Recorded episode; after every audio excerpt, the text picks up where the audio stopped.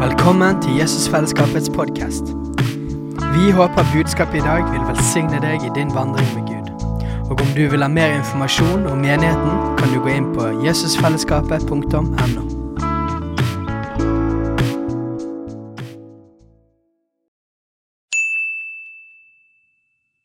Hei! Visste du at Jesusfellesskapet starter en ny bibelskole til høsten? Den heter Jesusskolen og starter den 3. september. Gå inn på jesusskolen.no for mer informasjon.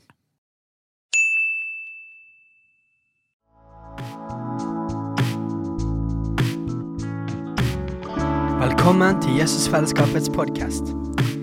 Vi håper budskapet i dag vil velsigne deg i din vandring med Gud.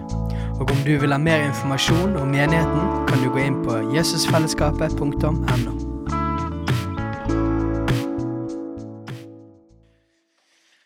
Thanks. It's good to be here in Bergen where the sun shines every day. shined every day I've been here. that first guy who preached must be really smart. I couldn't understand a word he was saying. yeah, my Norwegian isn't very good. I was driving over here and trying to interpret the road signs to Peter, and he wasn't impressed with my. Yeah. So, what I wanted to talk about this morning is about what is my life message. Um, the first time, the first year I was at Bethel, they asked me to speak to a group of students, and afterward, all the students were like, "Oh, would you impart something to us?" And I wasn't quite sure what they were talking about, and so the leader explained it to me, and I still didn't know what to do. And finally, I said to the students, Well, my life message is about meeting God and suffering. Do you want me to impart that to you?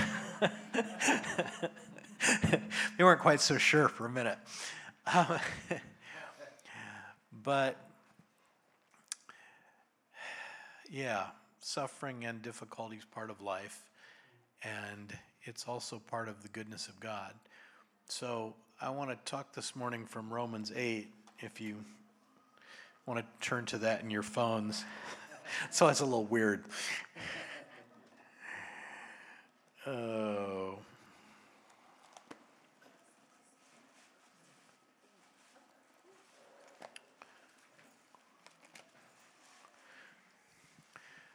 Um, I'm going to ask you to, to think of a, a really painful situation in your life. Just for a little bit of context, I'll tell you about my year. Um, I don't know if you heard of the fires in California that we had last fall. Um, do I need to do something to keep it from echoing so much? Okay, maybe that's just me. Anyway, our house burned down in one of those fires about a year ago. So I had just gotten home from a trip and woke up in the morning and had to evacuate. So we still hadn't unpacked our suitcases. So we, we saved a suitcase of dirty clothes each, and the pets and the computers. And I was Mr. Practical. I didn't take a single memento or photo or anything from the house. Because when you're in the middle of it, you're just not quite, you know, you think you're going to be back there in a few days. Um, and then a week later, we found out that the house was completely gone. Um, on the one year anniversary of that uh, fire, I was attending my best friend's funeral across the country. On the road there, my mother in law died. so then I flew from I flew from California to DC for the funeral, and then flew back to Oklahoma for the other one, and then flew home. Um, and in the middle of of that year, we had big crises with both of our kids. Um, so it was a very painful year. Um, it's interesting, a couple weeks before the fire, one day I was just talking to Jesus, and I don't know where I, I got to this, but I remember saying, um, this was earlier in July, do you want me to hold it closer? I can I'm God. anyway, a couple weeks before the fire, I remember one day in my devotions saying to Jesus, So, Jesus, could I really live without all this stuff?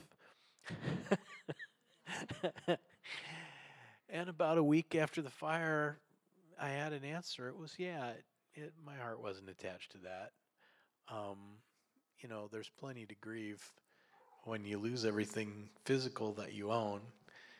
But um, yeah, one of the, the things that God does for us in difficult times is He helps us. It's so easy for our hearts to get attached to stuff in this world. Um, it can get attached to houses, or it can get attached to people, or it can get attached to outcomes. You know, if I work really hard, I can get into this school, or I can do this great thing. And the problem you have is when your heart gets attached to stuff in this world, your heart was made to get its most basic needs met inside your relationship with Jesus. And so when you attach your heart to something else, it always ends up disappointing you in the end. So, one of the things that God does is He allows the seasons of life to go up and down. And in those seasons that are the valleys or the painful times, often the good thing that He's doing for us is helping separate our hearts from the stuff in the world we think is going to make us happy and help us reattach our heart to Him. Because um, one of the, um, how do I say, we all have a set of desires that are deep in our heart that drive our behavior. So they're for stuff like love or approval or recognition or significance. You know, I'm going to do something um, and change the world with my life. Those are all desires. And your desires are designed to be filled inside your relationship with God. And there's this law of twisted desire that when you take the desire that was meant for God and attach it to somebody else, it actually works against you to keep you from getting the thing you really want. So, for instance, um, let's see. Have you ever had the person in, in your small group that's just desperate for approval and belonging? They just want so bad to be part of everything. um, how do you experience that person? um, I, I was in a small group one time and, and somebody described that as a life sucking vampire. Um, but when we have a really deep need, um, what we tend to do is want to take that from other people. And then what happens is it turns other people off and it actually repels them.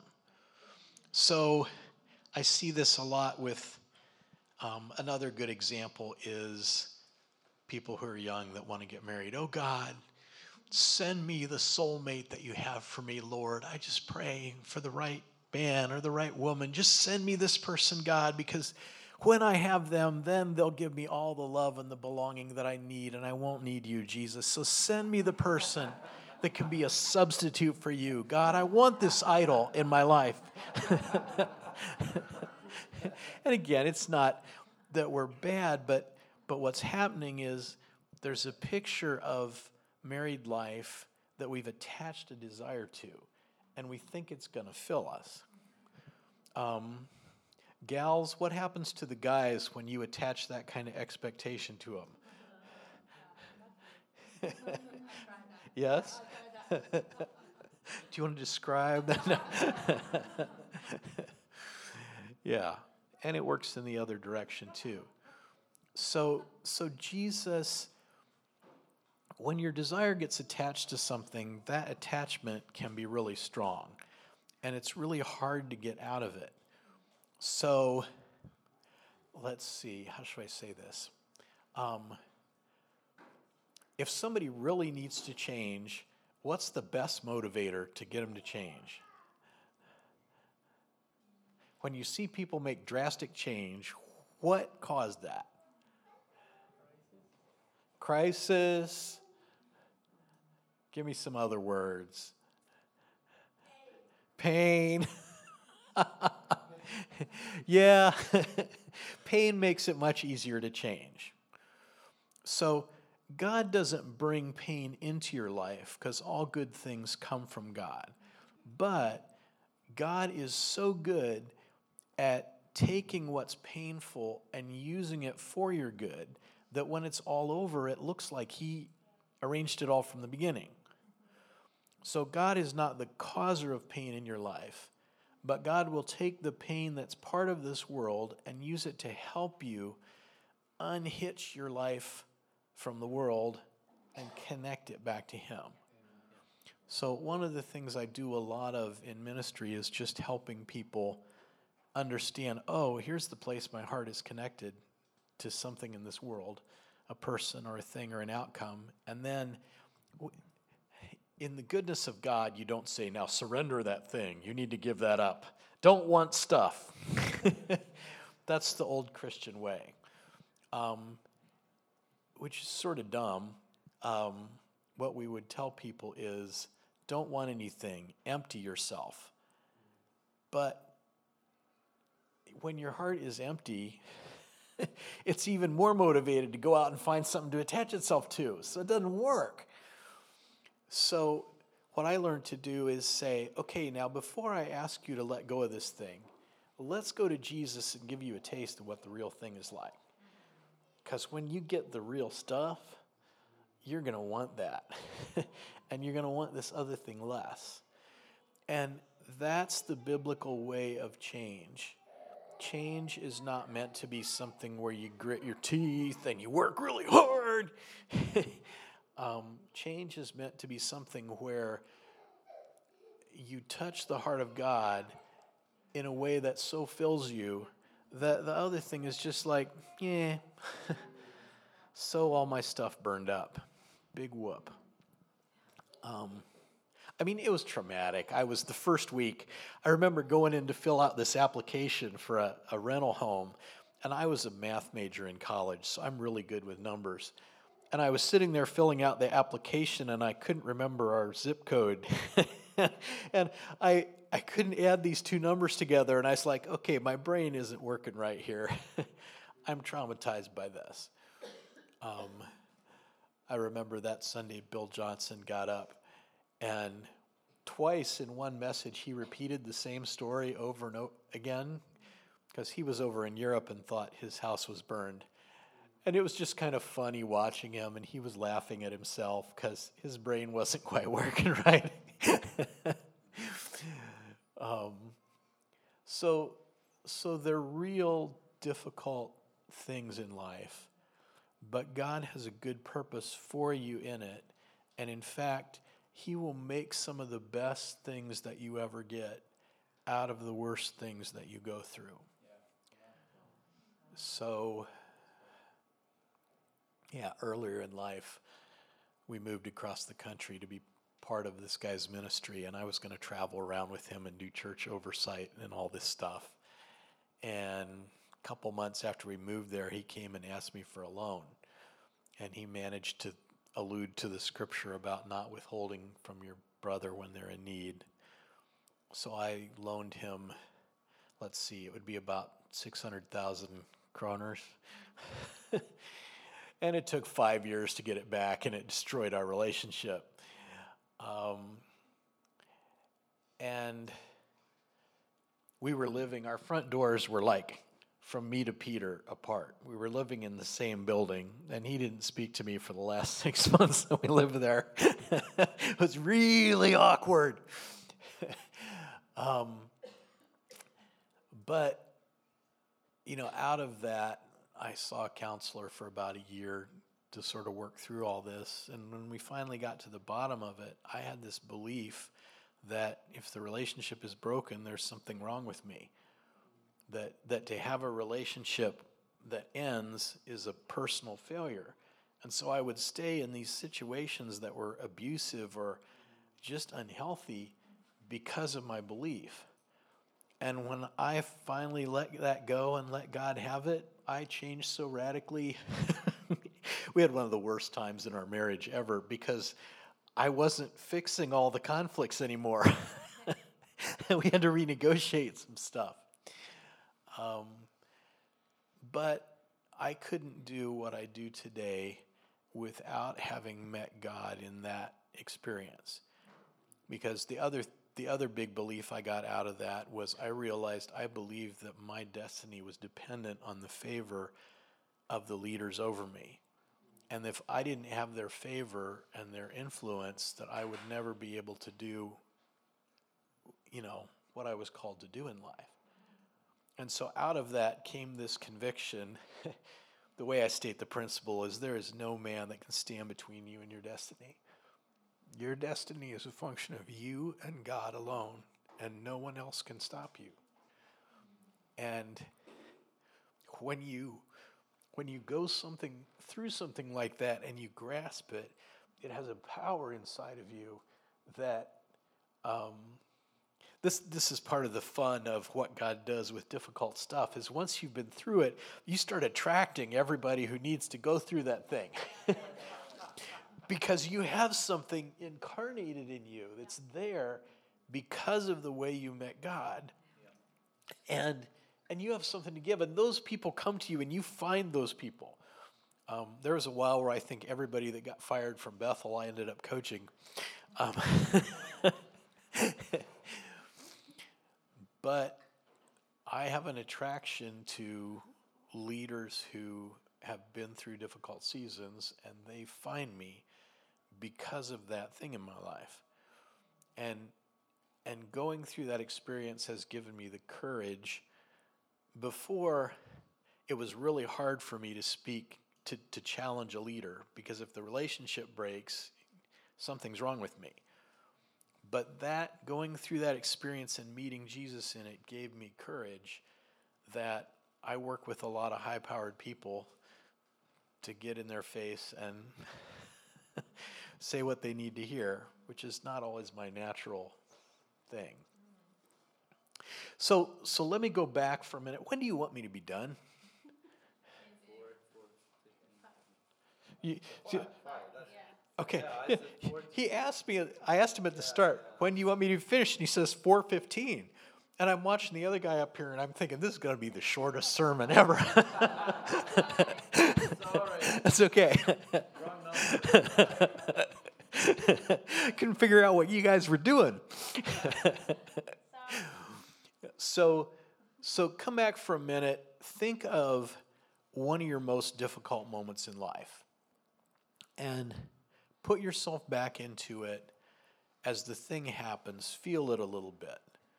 Um, and what I want to hear from you when you're there are just some examples of what are the questions that you you ask God in that difficult moment. When you're in the worst moments of your life, what do you ask God? Why? Where are you? What did I do wrong? There's a good one. What should I do? What are some other variations of why? Why me? What were you saying?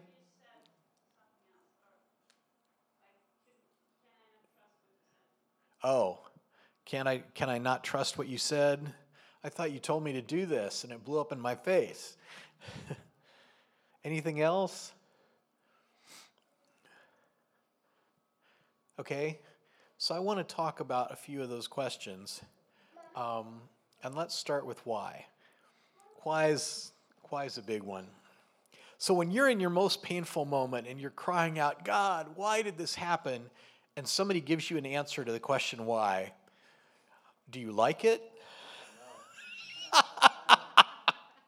no. what are what are some epic? Um, oh, what do you call them? Uh, those little hackneyed phrases that we say to people that that everyone hates. Um, it will all work out for good. What are some other lines you hate at that moment? God's trying to teach you something. God's teaching you patience, brother. and patience sucks. No.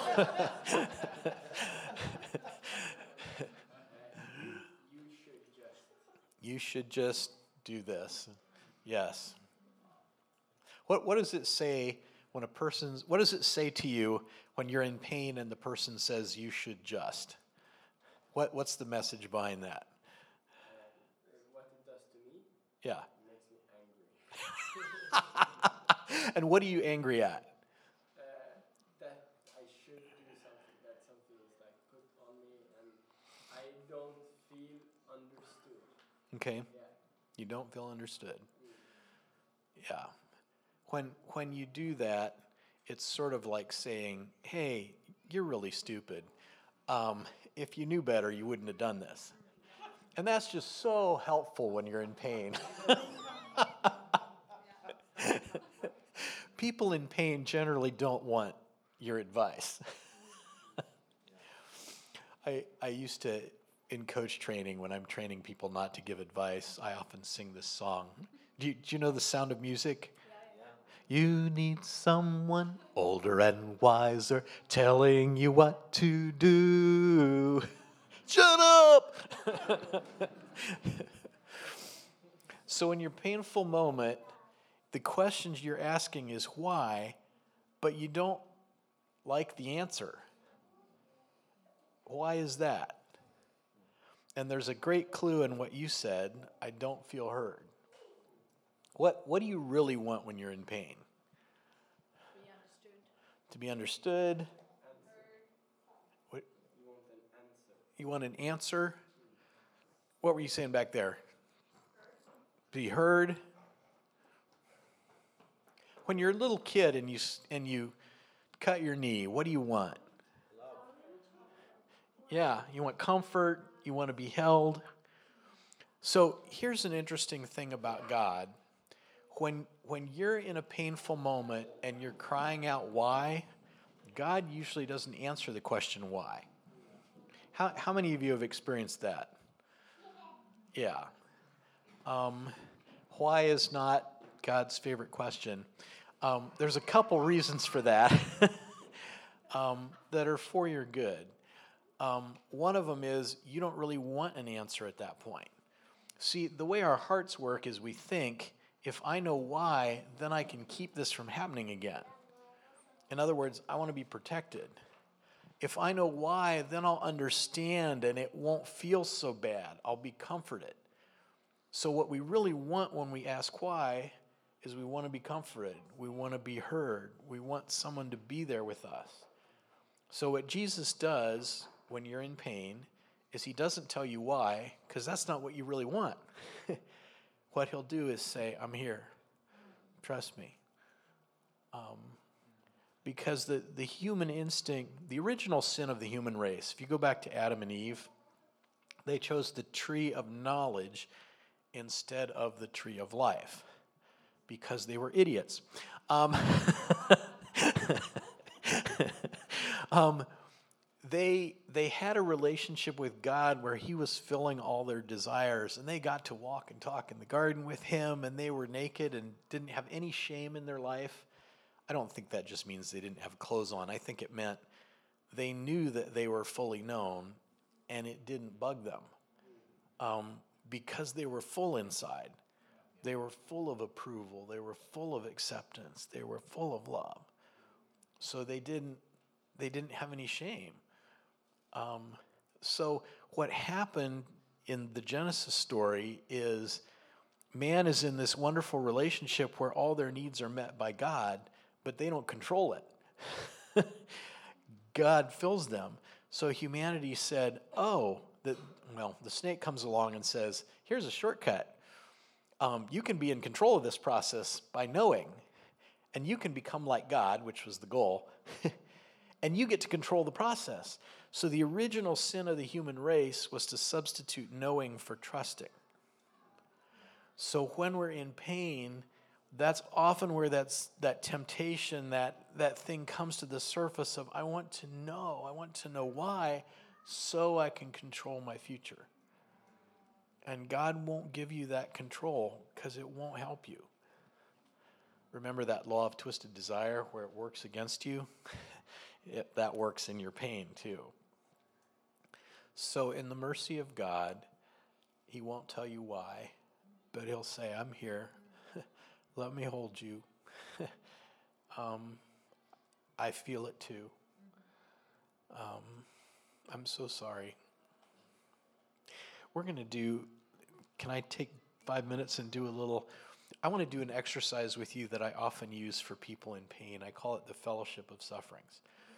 And when, when you meet somebody new for the first time, what kind of questions do you ask them? What's your name? What do you do? Where are you from? Are you married? What are you searching for? You want to know about them, but but we tend to ask a bunch of those little questions until we hit common ground. Common ground, yes. So when when you finally find that common ground, then you can have fellowship because you have something in common. So the fellowship of sufferings is when you've suffered, you can know a part of Jesus that people who haven't suffered can never know. And Jesus' life was defined by suffering. He was a man of sorrows and acquainted with grief. And there's a deep part of his heart that's accessible to you in your most difficult moments. Um, sorry, I should have brought some Kleenex. Um, so, a powerful thing to do in those moments is you, you take your situation where you suffered. So, think of that situation again that you had in your mind earlier. And then what we do is say, okay, where did Jesus suffer something like that? So, if you've been betrayed by a friend, okay, Jesus and Judas. Um, did you lose a parent when you were young? Jesus and Joseph. Joseph sort of disappears in there somewhere, and most people think he died. Um, people say bad things about you that you don't deserve. Jesus got plenty of that. So think of a place in the Bible where Jesus suffered something similar to you. And then comes the fun part is you just have a conversation. But you get to ask all different questions than probably what you're used to. You say to him, Jesus, man, this betrayal thing really stinks. what did it feel like for you when Judas came up and kissed you? I mean, that that was really terrible.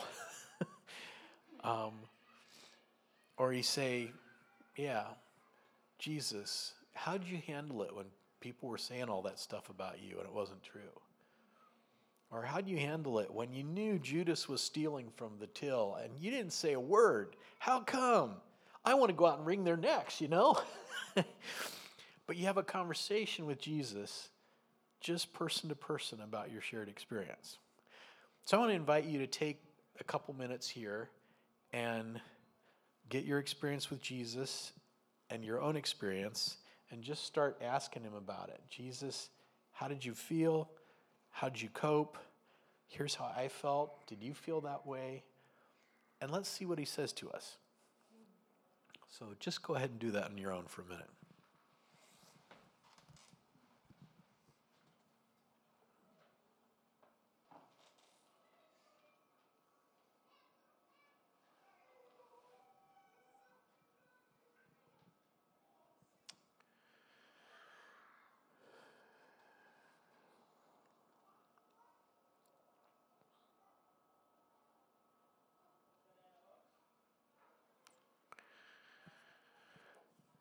So that was short, but hopefully you heard something interesting. You can continue the conversation at home. Let's do one last thing.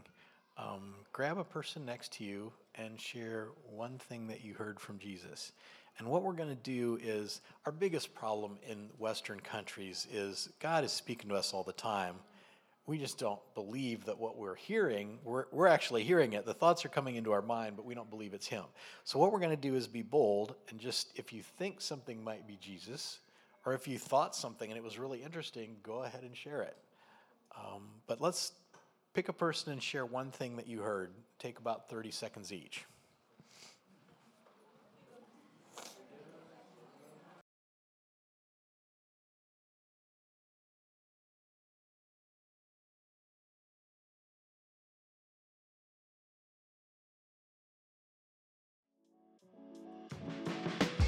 Hei, alle sammen. Det er Katrine og Steinar Lofnes her. Vi er hovedledere for Jesusfellesskapet.